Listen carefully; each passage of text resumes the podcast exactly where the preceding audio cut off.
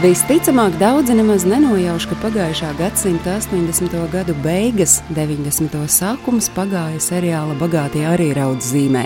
Savukārt tie, kuri uz pārdesmit minūtēm dienā aizmirsās no nepārāk pārtikušās tā laika ikdienas, jau sen aizmirsuši, kurš tad īsti bija sliktais, Luis Alberto vai Jose Ignacio, bet tie, kuri skatījās, visticamāk joprojām atceras galveno varoni Mariannu, meksikāņu aktrises Veronikas Castro izpildījumā.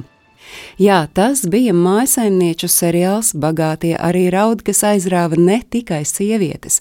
Ziepju operas notikumiem līdzi sekoja ģimenēm, jo nu tādi notikumi, tādas kaislības līdz šim padomju cilvēkiem nebija lemts izdzīvot caur televizora ekrānu.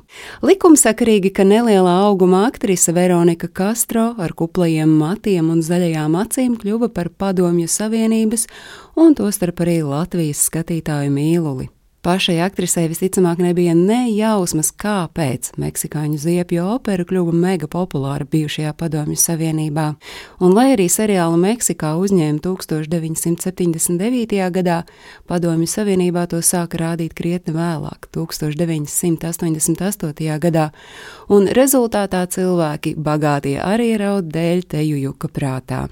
Ikdienas dzīve daļai bija pakārtota tam, lai nepalaistu garām zaļacainās meksikānietes mākslību un likteņa pavērsienus. Bet pati Veronika Kastro piedzima četru bērnu ģimenē 1952. gada 19. oktobrī.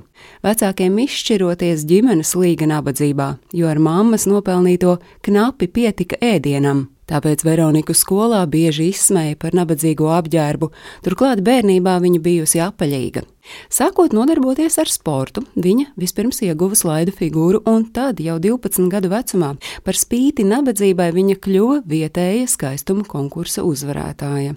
Tas deva pārliecību stāties pretī smējējiem, un, lai arī kautrīga būdama, Veronika sāka uzstāties skolas pasākumos.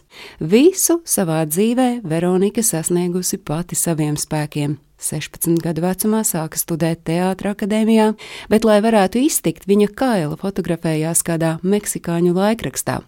Tas viņai bija naudas projekts, bez kauna un bez nožēlas.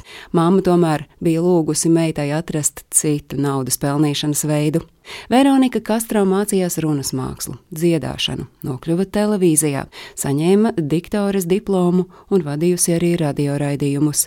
Vienlaikus mācoties, strādājot gan televīzijā, gan radio, Kastro, lai pabeigtu teātra akadēmiju, esot gulējusi vien pāris stundu diennaktī. Pamazām kļūdama ar vien populārāka Meksikas televīzijā, Veronika Kastro sāka saņemt piedāvājumus piedalīties ziepju operās, no kā viņa konsekventi atteikusies, sakot, ka neba tāpēc tik smagi strādājusi un mācījusies, lai karjeru izniekotu ziepju operās. Beigās aktrise padevās, un viņas pirmā lielā loma bija tieši seriālā Bagātie arī raud.